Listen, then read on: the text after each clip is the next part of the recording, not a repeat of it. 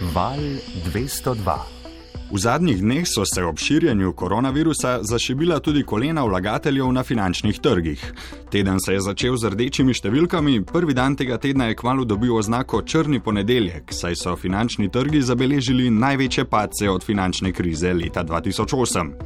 Trgovanje na ameriških borzah so takoj po odprtju ustavili za 15 minut, saj je indeks SP 500 uvodoma padel za 7 odstotkov in prvič po uvedbi pred šestimi leti se je sprožil mehanizem, ki preprečuje panično prodajanje.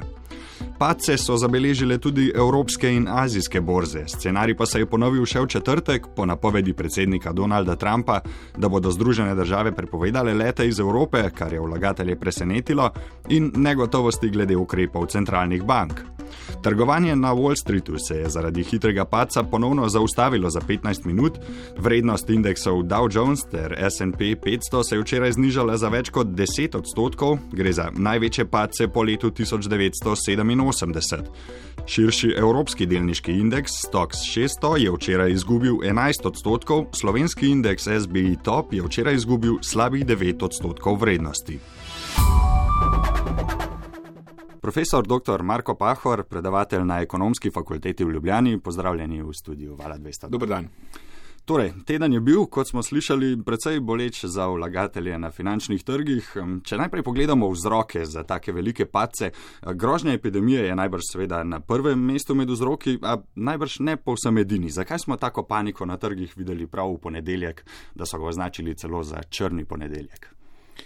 No, uh smo na koncu ene relativno dolge obdob, dolgega obdobja rasti na borzah, tako da pomalem se je pričakovalo, da prej ali slej bo prišlo do padca. Zdaj vprašanje je bilo samo, kaj bo pravzaprav ta padec, včasih rečemo v financah temu tudi popravek vrednosti sprožilo. In um, pojav pandemije, no, so ponedeljek še niti, niti bila razglašena za pandemijo, ampak ko se je to začelo širiti, sploh pa ko se je to začelo širiti po Združenih državah Amerike, je seveda to bil en tak vzvod za to, da je prišlo do tega popravka.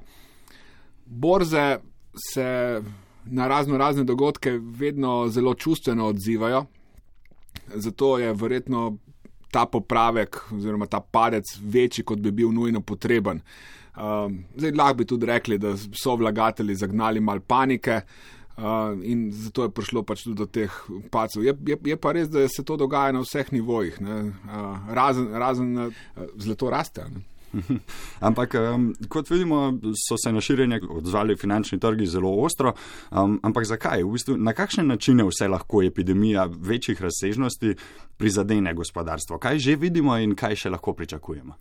Tu gre za kombinacijo treh vrst vzrokov. Zdaj, prvi razlogi so povsem zdravstveni, če temu tako rečemo, uh, zaradi bolezni, uh, zaposleni izostajajo iz dela in že zato produktivnost pada.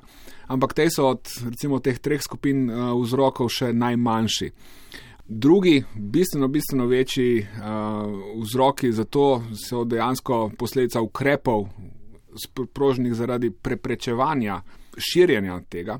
Zdaj se ukrepi so nujni, ker zdravstveni sistem enostavno ne zmore nekega zelo hudega izbruha te pandemije ne, absorbirati. Ne. Zato je, je nujno, ti ukrepi so nujni.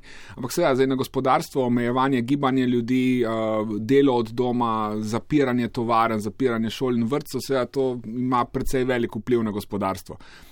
Zdaj, tretji, ne, pa mogoče največji največja skupina vzrokov, zakaj prihaja do, do gospodarskega paca in seveda zaradi gospodarskega paca pol posledično prihaja tudi seveda, do popravkov na borzi in tako naprej, so pa dejansko zelo psihološki uh, vzvodi.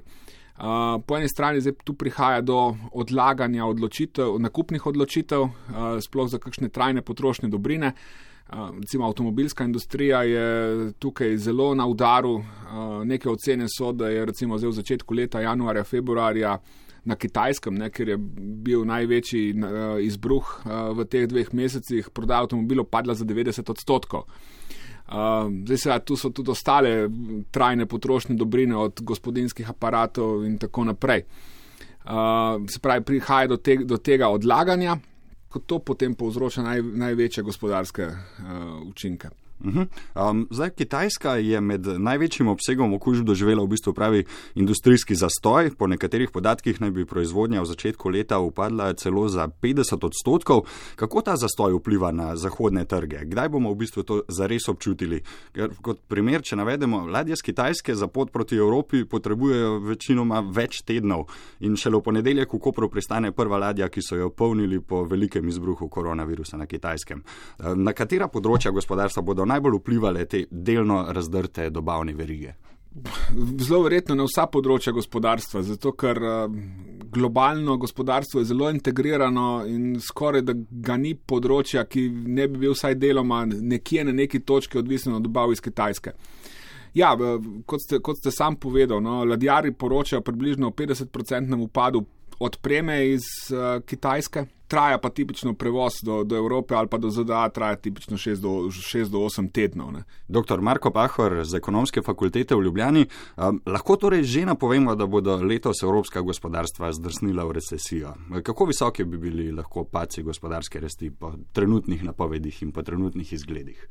Zdaj, eni taki resni izračuni so bili narejeni nekaj tednov nazaj, ne, takrat niti ni bilo še čisto gotovo, da bo to preraslo v pandemijo. No, ampak v scenarijih, ki vključujejo globalne razsežnosti epidemije koronavirusa, uh, so paci za Evropsko unijo napovedani, se pravi na ravni celotne Evropske unije, nekje med 2 in 8 odstotkov glede na izhodično raven.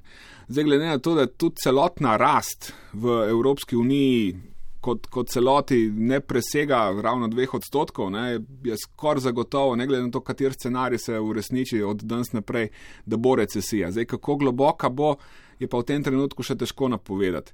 Zdaj, najverjetnejši scenarij je, da bo recimo na ravni Evropske unije prišlo do, do paca BDP-ja v, v 2020, glede na 2019, mogoče za pol odstotka, pa tja do dva odstotka takoj, ko bo tega konc, ne, se bomo, bomo videli eno tako dosto veliko eksplozijo uh, rasti. Ne. Zdaj, neka recesija bo, skoraj zagotovo. Ne. Že verjetno za prvo četrtletje, ne drugo četrtletje, bo pred, predvsej izgubljeno v Evropi. Ne. Zdaj, koliko bo pa po uspelo v tretjem in četrtem uh, četrtletju nadoknaditi tega, bo pa treba videti. Ne. Uh mhm. -huh. Zdaj, vlade po vsem svetu se na krizo že odzivajo s paketi pomoči za gospodarstvo. Kakšne napovedi smo videli do zdaj po svetu, v katere smeri gre torej največ ukrepov? Ja, največ ukrepov gre predvsem v to, da gospodarstvo ne bi zapadlo v prevelik uh, pesimizem. Se pravi, gre za ohranjanje podjetij pri življenju, gre za ohranjanje delovnih mest. Ukrepi so pač namenjeni temu, ne, da ne bi potem bile posledice v kasnejših fazah, ne, se pravi, ko ukrepi za omejevanje širjenja epidemije ne bi bili več potrebni, da potem lahko podjetja relativno hitro zaštartejo. Ne.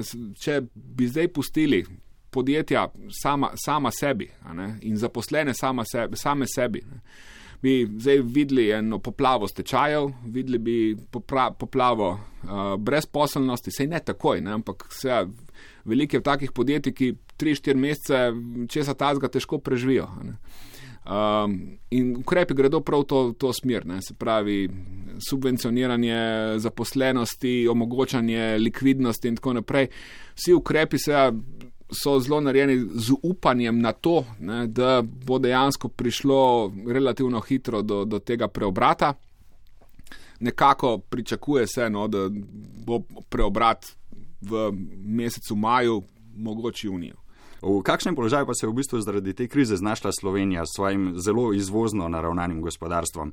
Um, zdaj, recimo, gospodarstvo naše največje trgovinske partnerice Nemčije bo očitno trpelo. V ponedeljek je Združenje nemških gospodarskih zbornic objavilo rezultate raziskave med 10 tisoč nemškimi podjetji v vseh panogah o vplivu koronavirusa na poslovanje in raziskava je pokazala, da 47 odstotkov podjetij v Nemčiji, torej skoraj polovica, zaradi koronavirusa v letu 2020 pričakuje upad upad prometa in to nekatera, se pravi četrtina podjetij, kar za dvoštevilčne upade prometa. Kaj to pomeni za slovenska podjetja? Ja, jaz se bojim, da bo Slovenija med tistimi evropskimi državami, ki bo doživela nadpovprečen padec. Iz več razlogov, no, eno ste, ste že omenili, gre naše gospodarstvo zelo izvozno usmerjeno, zelo povezano z Nemčijo. Zelo velik del izvoza recimo, je povezan z kovinsko predelovalno industrijo, z avtomobilsko industrijo. Avtomobilska industrija bo kar zelo hudo na udaru. Recimo, če pomislimo, da imamo recimo gorenje kot, kot velikega izvoznika, ne? spet trajna potrošnja dobrina, gospodinski aparati, odlog, odlog nakupov. Ne? Pol imamo tukaj recimo sektor farmacije, ne, ki pa trpi iz drugega razloga. Ne. In sicer na sektorju farmacije gre pa za pomankanje surovin. Ne. Farmacija je zelo močno odvisna od uvoza določenih surovin iz Kitajske. Menda že čutijo pomankanje teh surovin. Ne. Pa imamo turizem. Ne. Turizem v Sloveniji predstavlja desetino, morda celo 15% BDP-ja. Turizem je strašansko na udaru. Ne. Tako da jaz se res le bojim, da, da Slovenija bo kar precej nadpovprečen. Uh, padec v primerjavi z drugimi evropskimi državami doživela. In kako ocenjujete prvi vladni paket ukrepov, ki je vreden skoraj milijardo evrov? Komu ti ukrepi najbolj koristijo, katerim področjem morda ni namenjene dovolj pozornosti?